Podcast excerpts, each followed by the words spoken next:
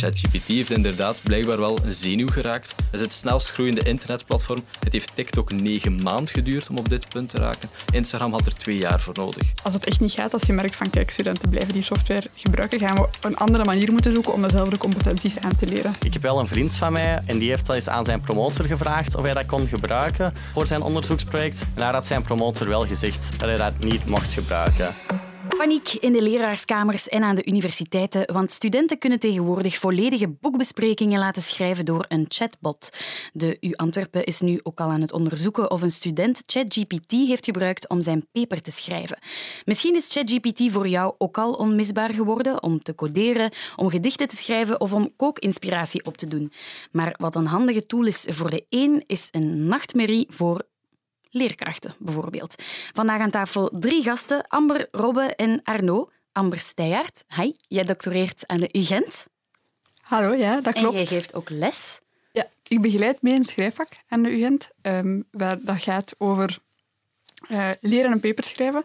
En daar zijn er een aantal studenten waarvan we een vermoeden hebben dat ze ChatGPT hebben gebruikt.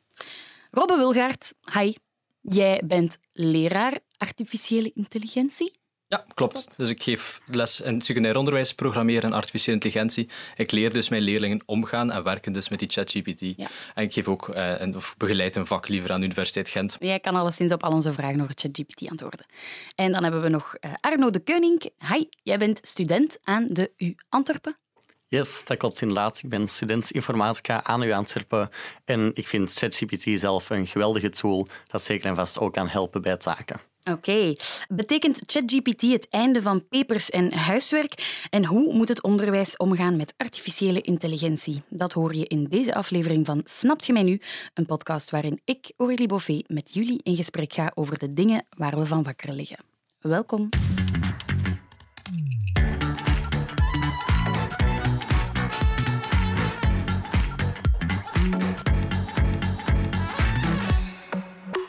Ga misschien bij jou beginnen voor de achtergrond. Ik wil het eerst even hebben over uh, ChatGPT.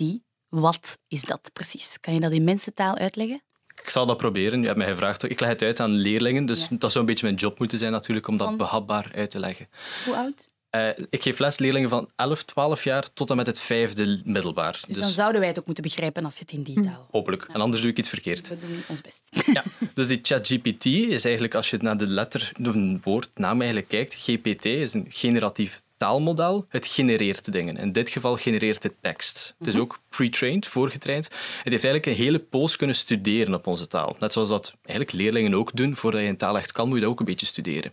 Nu, dat model hebben we eigenlijk miljoenen, miljoenen webpagina's en artikels en, en andere materialen gegeven. Hij heeft erop gestudeerd en momenteel kan hij dus, en dat zie je dus ook als je de tool gebruikt, je tikt iets in, je vraagt, ik schrijf mij een opstel over bijvoorbeeld geschiedenis, over de middeleeuwen, en dan zal hij dus jouw opstel proberen schrijven. Dus dat is eigenlijk een AI-systeem dat door middel van die training op al die data, op al die teksten, geleerd heeft precies hoe hij teksten moet schrijven op commando. Ja. En dat is blijkbaar heel verleidelijk of handig. Oké, lijkt me heel duidelijk. Uh, hoe werkt dat systeem dan precies? Wat is het verschil met pakweg Google, waar je ook iets intipt en een resultaat krijgt. Zeker. Uh, Google is dus echt een zoekmachine. Dat is echt ook een woord geworden in ons taalgebruik. Ik ga iets googlen. Dat is echt een term geworden. Dat zal zo misschien binnenkort zo zijn. Ik ga iets GPT'en. Um, maar dus in dit geval, uh, als je iets vraagt aan zo'n tekstalgoritme, wat hij doet, hij heeft eigenlijk een soort van wolk in zijn hoofd en hij speelt een associatiespelletje. Dus als ik bijvoorbeeld het woord zou zeggen koning, dan denk jij aan... Fille. Ja. Dus Philippe. Hij, hij, linkt, hij linkt koning aan Filip. Dat is omdat die woorden in ons geheugen vrij dicht bij elkaar zitten. Voor een computer die werkt een klein beetje anders, maar die trekt eigenlijk een lijn, een vector, een pijl tussen die twee woorden. Hij gaat eigenlijk na welke woorden staan of hebben de grote kans om dicht bij elkaar te mhm. staan. Koning bij Filip, koningin bij Mathilde. Als je hem dus een vraag stelt, schrijf mij een opstel over het koningshuis, zal hij een eigenlijk die tekst woord per woord beginnen genereren. Dus, hij genereert nieuwe teksten. En hij zal telkens kijken um, welk woord is het volgende. Welk woord is de hoogste kans om het volgende te zijn. En, het volgende, en dat zie je ook. Als je hem bezig ziet, zie je hem echt woord per woord op dat scherm tikken. Ja. Want zo werkt het kansberekeningsmodel daar eigenlijk achter. Dus jij ziet tekst verschijnen, je ziet die opstel daaruit rollen, maar op de achtergrond is dat pure wiskunde. Ja. We hebben net gehoord dat ehm, een student, we hebben een vermoeden dat hij een foutief gebruikt heeft van ChatGPT voor een schrijfopdracht in een schrijfvak. Dus de taalleerkrachten zitten een klein beetje met, grof gezegd, de poepers. Ehm, maar ik geef zelf een vak programmeren aan mijn leerlingen. Als ik mijn programmeeroefening daarin steek, zal hij mij bijna, of mijn leerlingen toch, kant-en-klare Python-code uitbraken die zij kunnen indienen en die code werkt ook. Als je een moeilijke opgave geeft, iets minder. Maar dus mijn leerlingen kunnen dat evenzeer gebruiken om te sjoemelen of te frauderen eh, binnen mijn programmeervak. Dus ook wij zijn niet veilig. Ja. Arno, ik kijk even naar jou. Sjoemel jij met ChatGPT? Uh, is natuurlijk een groot woord. Hè. Inderdaad, de situatie zoals jij het beschrijft, als je effectief letterlijk een opgave gaat intypen en daar het antwoord van letterlijk als taak opstuurt, ja, dat is uiteraard niet de bedoeling. ChatGPT kun je in sommige gevallen vergelijken met Google, want daar ga je ook niet iets intypen en iets dat het als resultaat geeft letterlijk copy-paste en opsturen. Het is eerder gewoon een tool dat je kunt gebruiken als soort van persoonlijke assistent waar dat je vragen of extra ideeën uit kunt halen en zo. Um, en dan is natuurlijk de vraag van, ja, vanaf wanneer valt iets onder zoemelen? Vanaf wanneer kun je gebruik maken van een persoonlijke assistent zonder dat het ja, gaat afdoen aan je leerdoeleinden of zo? Jij maakt daar geen volledige taken mee? Uh, nee, want dat gaat ook tegenwoordig niet in een tweede master. Hoe gebruik jij ChatGPT in jouw huiswerk concreet?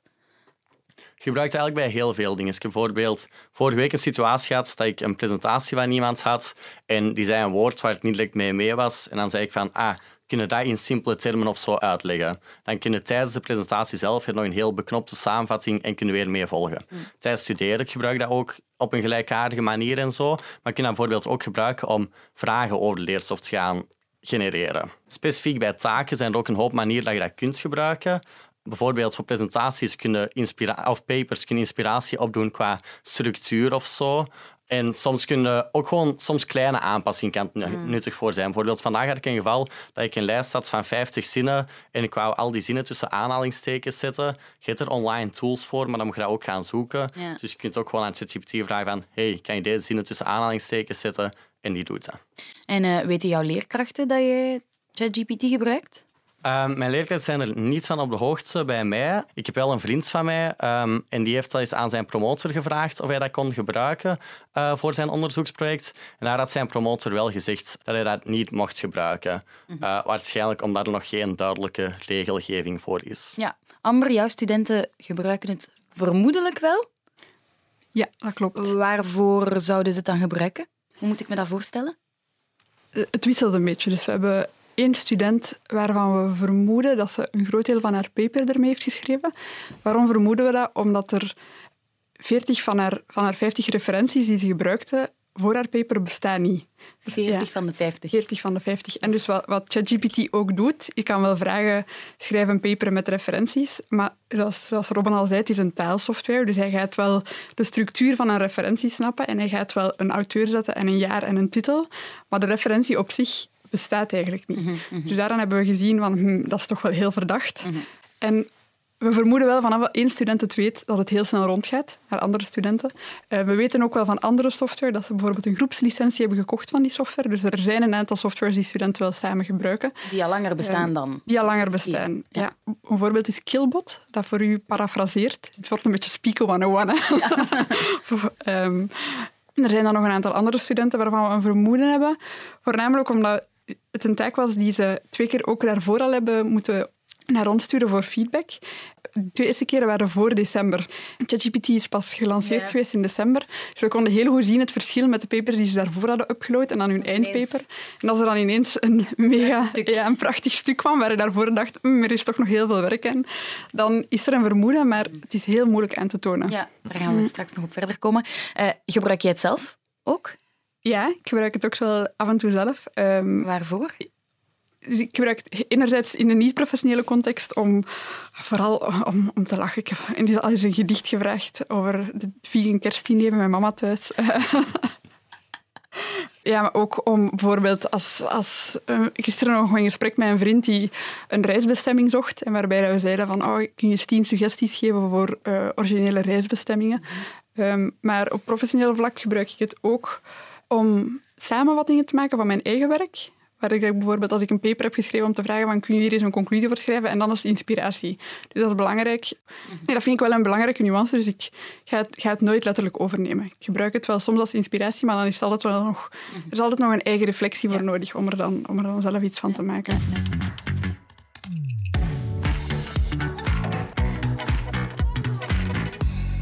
Er is uh, on online ook heel veel om te doen. Hè. Ik heb, uh, ben een beetje door Twitter gescrolld. Ik heb een tweet gevonden van Tippy. Leerlingen gaan zo fucking lui en incompetent worden door die ChatGPT. Dat is de nachtmerrie van elke leerkracht. Sorry voor taalgebruik. Uh, Arno, word jij luier van ChatGPT?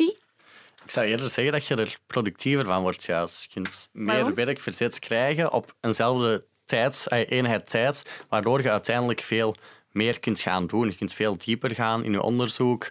Ehm, dus lui worden zeker niet, maar ook daar hangt je niveau ervan af. Als je inderdaad een eerstejaars bent, dan heb je heel vaak basisprogrammeeroefeningen, simpelere invuloefeningen en zo. En dan is ChatGPT inderdaad wel heel gevaarlijk om gewoon het erin gaan plakken omdat ze te weinig tijd hebben en gewoon het antwoord copy-pasten.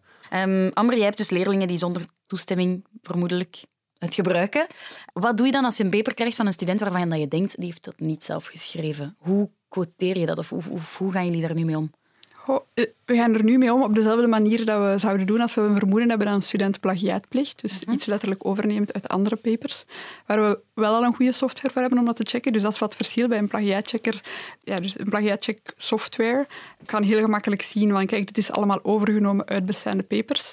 Bij ChatGPT is het veel moeilijker om het aan te tonen, zoals ik al zei. Omdat je hebt wel een aantal softwares um, die zouden kunnen zeggen van dit is vermoedelijk niet door een mens geschreven, maar het kan nooit 100% zeker zijn. En ook in verschillende artikels is het, ja, de, de betrouwbaarheid van die software ook al in, in vraag gesteld. Mhm. En wordt dat al breder besproken bij de UGent? Um, spreek je jullie daarover onder leerkrachten, over wat er moet gebeuren in zo'n... Oh ja, tegenwoordig bij oh. elke lunch. Uh, ja, het gaat er veel over. Uh, we hebben gisteren, nee, maandag, ook een mailtje gekregen van de UGent. Um, wat eigenlijk een soort van eerste standpunt dat ze erover nemen, met ook een aantal tips van wat we ermee moeten doen. Ja.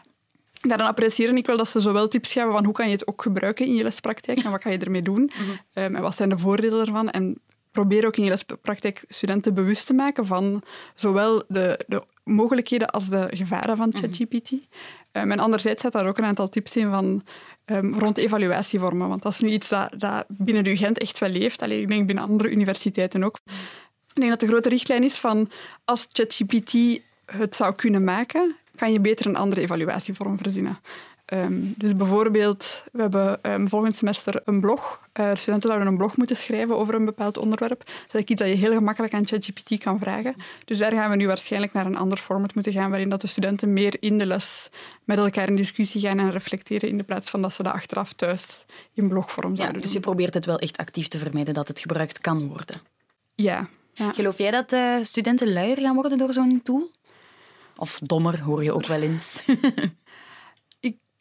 ik denk dat het kan. Het hangt er heel hard vanaf, zoals jij ook al zei, van hoe dat ze het gebruiken. Wat, ik bijvoorbeeld zou kunnen doen in mijn lesje, ik kan aan de studenten vragen van kijk, plak al eens het, het abstract van een paper erin en vraag aan ChatGPT om daar een simpelere versie van te maken. Uh, als je een aantal woorden in de abstract niet begrijpt, ga je daarna ook vragen aan ChatGPT van kijk, dat woord, wat betekent dat juist? Dus op die manier denk ik dat studenten er zelf juist slimmer van kunnen worden. Mhm. Anderzijds denk ik wel, als ze het echt gebruiken zoals wij nu vermoeden dat een van onze studenten het heeft gebruikt om een paper voor hun te schrijven, denk ik wel dat je er dommer zou van kunnen worden. Want het is geen software die nu nog meer uitleg geeft of die uitleg toe op de manier waarop hij het gedaan heeft. Waarbij dat je, als je bijvoorbeeld... een software die ik vaak aanraad aan studenten is een academische schrijftool, waarbij dat ze eigenlijk gaan zeggen van uh, op vlak van grammatica en spelling, dit zijn de fouten, maar dat ook gaan uitleggen waarom dat, dat fout is. Waardoor mm ik denk, als je dat gebruikt, heb je als student ook nog die reflectie. En die mist volgens mij wel bij ChatGPT. Mhm. Je zei het, hangt eraf hoe je de tool gebruikt. Ik kreeg een spraakbericht van een scholier uit het vierde middelbaar die uh, onopgemerkt ChatGPT gebruikt voor bijna al haar taken. Persoonlijk gebruik ik ChatGPT echt super vaak voor school. Meestal voor het vak Nederlands, waar ik dan recensies of samenvattingen moet schrijven over bepaalde teksten of boeken. Maar ook om mijn mails te schrijven of om mijn teksten te verbeteren. Want ik maak heel wat grammatica-fouten, spellingsfouten enzovoort Ehm, op mijn school hebben leerkrachten niet doorgehad dat ik ChatGPT gebruik. Maar ik denk dat het ook aan mij ligt, omdat ik echt ervoor zorg dat het niet herkenbaar is door ChatGPT.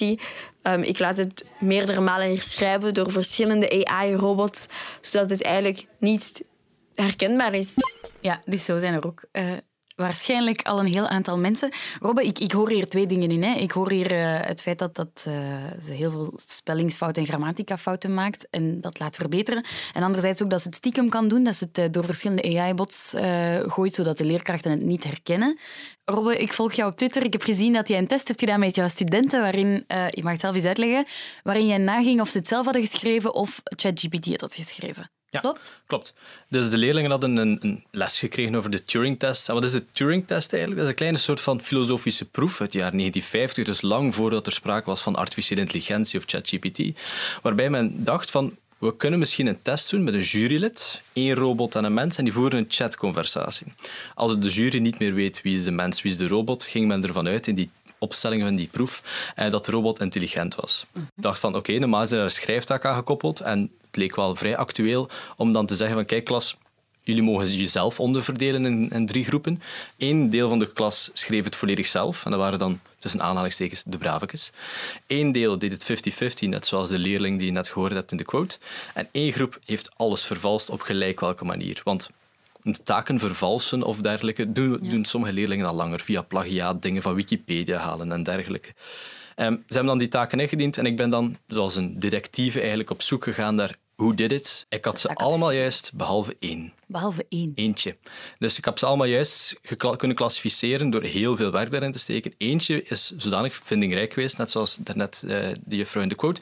Um, die heeft dus um, die tekst geschreven en dan elke opeenvolgende of alternerende regel herwerkt, zelf herwerkt. En heeft ook nog eigen voorbeelden toegevoegd. We hebben in die les gezien dit. We hebben in vorig jaar in dat vak dat gezien. Dus ze is daar wel mee aan de slag gegaan met die output. En heb jij ook al gehoord van die AI-detectietools? Ja. Waarschijnlijk wel. Ja, Wat dus die daarvan? Werken die AI-detectie- goed? Um, de AI-detectietools werken niet zo heel goed. Als ik mijn eigen teksten daarin stak, zei hij van dat is wel echt geschreven door een AI-systeem. En vooralsnog besta ik niet uit computerchips, maar heb ik dat toch wel zelf gedaan. Eh, als ik daar een tekst in stak van Ovidius, dan bleek het ook door een AI-systeem geschreven te zijn. Ik denk niet dat Ovidius op die tijd in de geschiedenis al een AI-systeem was. Ja, dat zeker, maar-. Nee, zeker niet. Ik denk ook eerlijk, als je ervan uitgaat van wij gaan dit zo proberen aanpakken door altijd die detectieve te zijn. Ehm, dit is een kat-en-muisspel dat jij niet wint. Ja. De virus wordt beter, de antivirus wordt beter, het vaccin wordt beter, het virus wordt beter. Je zit in een eindeloze loop. Je Ja. kan gerust dat doen. Ja. Maar ik denk niet dat dat de beste manier is om het aan te pakken. Amber? Mag ik daar iets over vragen? Want ik, dat ik mezelf al lang afvraag.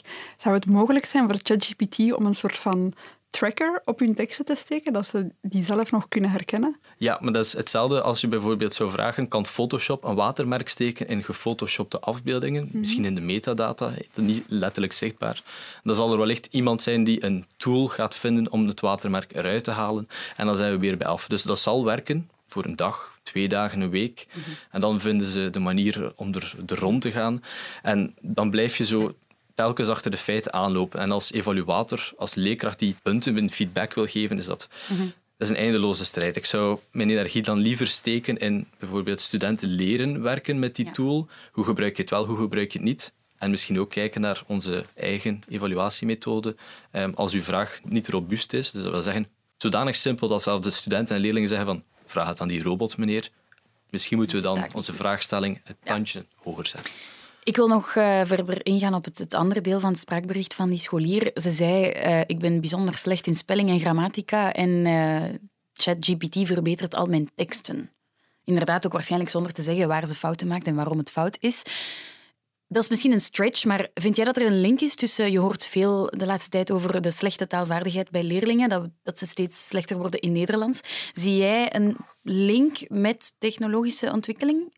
Ik denk dat, die, eh, dat je geen causale link zou kunnen trekken.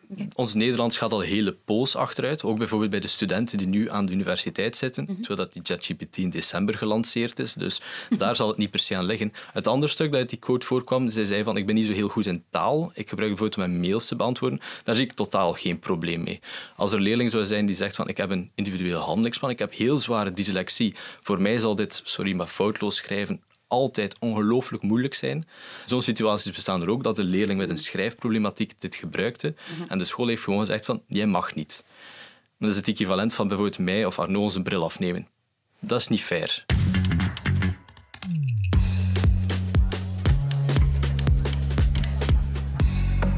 Iets anders, Arno. Hoe goed vind jij het systeem? Jij gebruikt het af en toe voor taken, voor opzoekingswerk. Gebruik je het ook om te coderen? Ehm, ik vind het zelf eigenlijk heel goed, want het, het is inderdaad, het bereikt zijn doel heel goed. Het geeft heel mensrealistische teksten.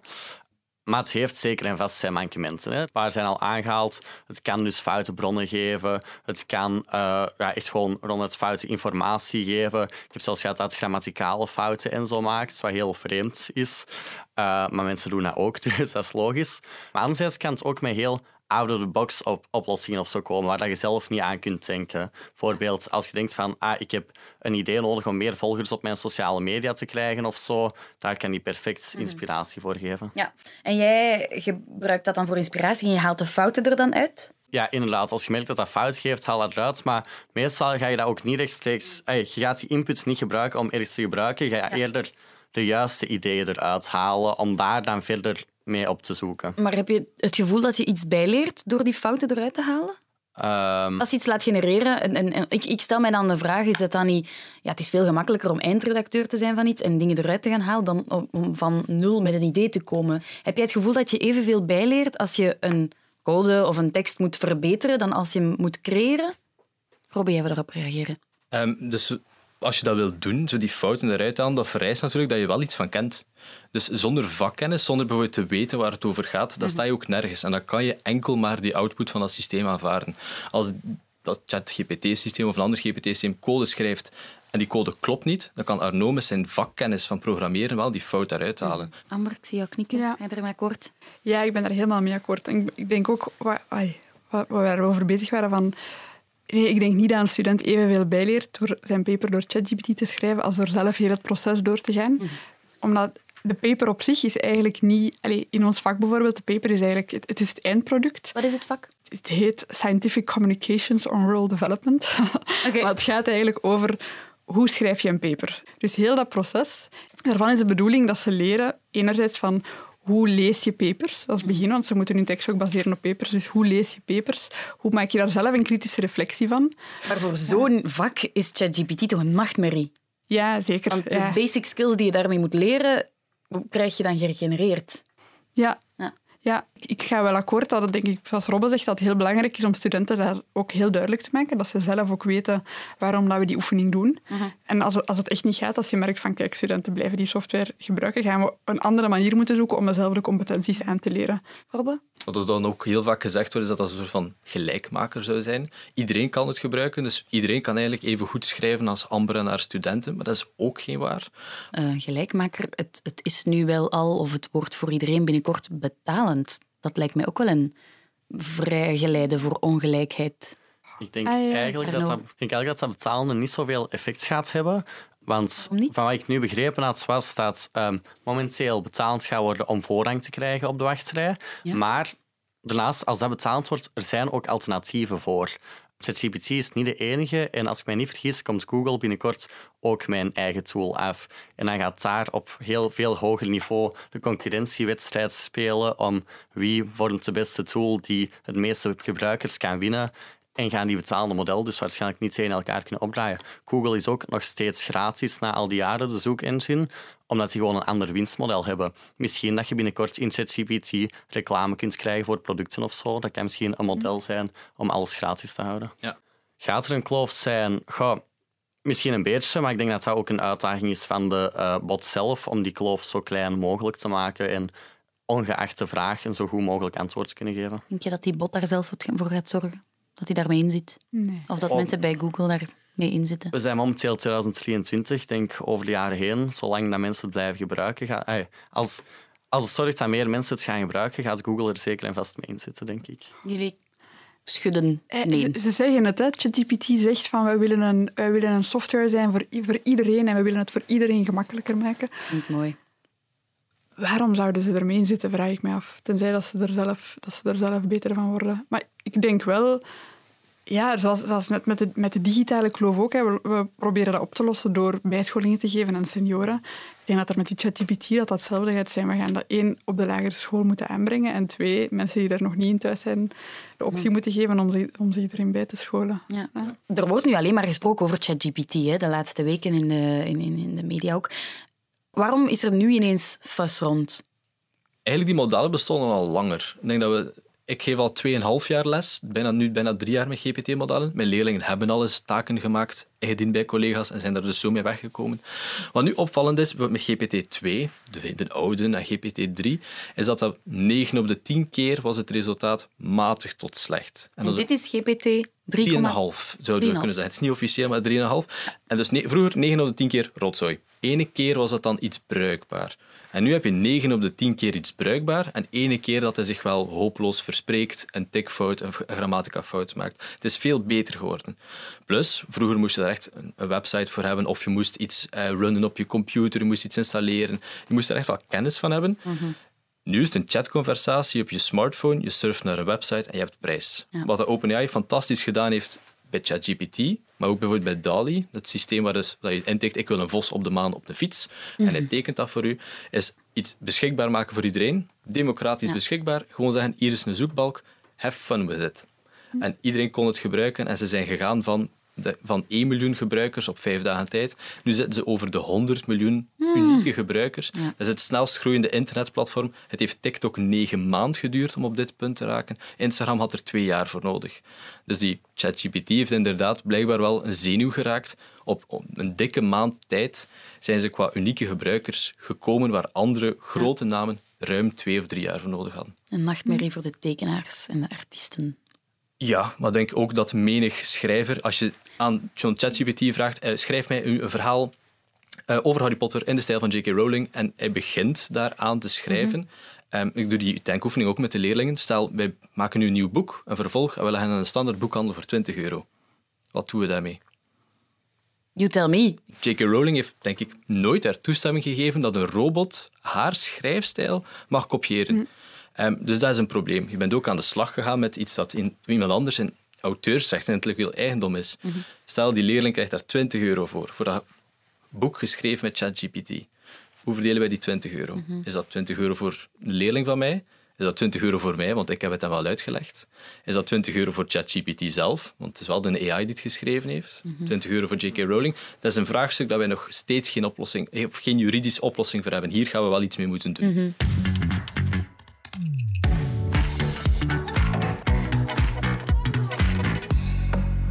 Volgens jullie een vloek of een zegen? Amber. In mijn job zoals hij nu is, zou ik zeggen een vloek. Maar ik denk dat mijn job zich eerder gaat moeten aanpassen aan de software dan... dan... En hoe dan? Door... Eigenlijk is dat een evolutie waar we nu ook al mee bezig zijn, door meer te werken met ja, andere evaluatievormen, door studenten ook meer um, mondeling te evalueren, bijvoorbeeld. Door, door meer tussentijds te evalueren. Dat is een evolutie die wel al langer bezig is, waarbij je naar op het einde één taak inleveren die op alle punten staat, gaat naar op meerdere momenten doorheen het jaar evalueren. Um, dus ik vermoed dat we daar door ChatGPT misschien nog versneld over gaan nadenken, van hoe we dat beter kunnen doen. Gaan we terug naar pen en papier? Nee, ik hoop het niet. ik hoop dat het ons eerder gaat nadenken over nieuwe, innovatievere methoden dan, dan terug gaat. Want ik heb het al wel gehoord van proffen die zeggen: oké, terug al mijn studenten alles met pen en papier. Of mondeling examens. Of allemaal mondelinge examens. Ik denk het niet. Mhm, mhm. Arno, is het voor jou Zeker. meer een zegen? Zeker en vast een zegen, inderdaad. Ik snap volledig vanuit evaluatieperspectief dat het een vloek is, maar het is wel naar de toekomst toe om mensen meer te laten, zien, laten doen, productief te laten zijn, zorgen dat iemand, iedereen zijn eigen persoonlijke assistent heeft, is het echt wel een zegen dat zeker voor de toekomst veel gebruikt gaat kunnen worden. Jij gaat het blijven gebruiken? Zeker en vast. Mhm. Ik zie een beetje een dystopische toekomst voor mij, waar, we in de, waar de kinderen in de les uh, leren omgaan met DALI in plaats van tekenles te krijgen, waar we met AI muziek maken in plaats van uh, pianisten te vormen. Zie jij dat ook voor jou, Robbe? Altijd welkom om te komen in de les. Uh, volgende week gaat het over DALI en gaan we effectief tekenen met een AI-systeem. Ik zeg niet, we laten een AI-systeem tekenen, we tekenen ermee samen. Dus ik zie zo'n dingen eigenlijk als een uitdaging. Uh, er zijn er wel een heel stuk om te blijven, in één vorm of een andere, slechter of beter. En ik denk dat we daar de studenten en de leerlingen ook voor moeten warm maken, of toch alleszins in begeleiden, hoe gebruik je dat correct. Zie je daar niet heel veel jobs door verdwijnen?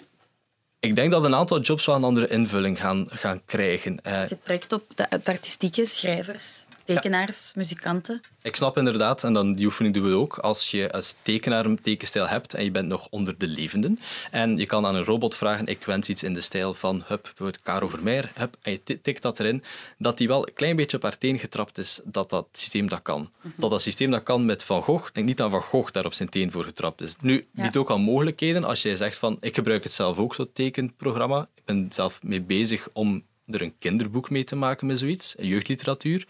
Dus vroeger kon ik dat niet. Ben niet zo, ik kan wel schilderen, maar ik ben niet zo'n benadigd tekenaar. Maar door die tool te integreren in de rest van mijn arsenaal van softwarepakketten en vaardigheden, kan ik wel verder, waar dat, dat verhaal anders nog altijd op zolder stof lag te vangen. Dus ik denk wel dat je er dingen mee kan, maar ik snap wel dat je nu sommigen wel een, een soort van gevaar voelen. Dat zij voelen van, kijk, ik voel mij mijn rechten in mijn vaardigheden geschonden. Mensen wiens job dat is, wiens extreem groot talent dat is. Ja. Vind jij dat een romantisch toekomstbeeld, Amber? Ik moet het misschien niet aan de twee IT-guys vragen, maar... Eh. Nee, als ik, het, als ik jou zo, nu hoor zo praten, denk ik zo... Oeh, ja, een beetje eng. Mhm. Ehm, al denk ik wel dat we altijd wel zowel kunstenaars als schrijvers als artiesten gaan, gaan blijven nodig hebben. En software heeft ook zijn limieten. Onder andere, op een bepaald moment vermoed ik dat die software gaat moeten beginnen incest plegen. Als er, als er geen originele content meer komt, als er geen mensen zijn die meer dingen schrijven. Um, het in een loop gaat blijven creëren. Ja. En ik heb voorlopig... Ik, ik, hoop ook ergens dat het nooit zo wordt, maar ik heb voorlopig ook nog niks van die software gezien. Dat ik er zelf al mee heb uitgetest, waarvan ik dacht... Een mens kan dit niet beter. Laten we hopen voor, uh, for the sake of uh, alle artiesten en journalisten en schrijvers um, dat die evolutie er toch niet te snel komt. Hè. Dank jullie wel om jullie expertise te delen en uh, jullie verhaal te komen doen. Merci. Amber, Robbe en Arno. Waar probeer jij jouw vrienden van te overtuigen? Waar lig jij s'nachts van wakker? Stuur me al jouw ideeën door via de Instagram-pagina van VRT Nieuws of stuur me een berichtje op Twitter via Aurélie-Boffé. En misschien ben jij wel te gast in mijn volgende aflevering.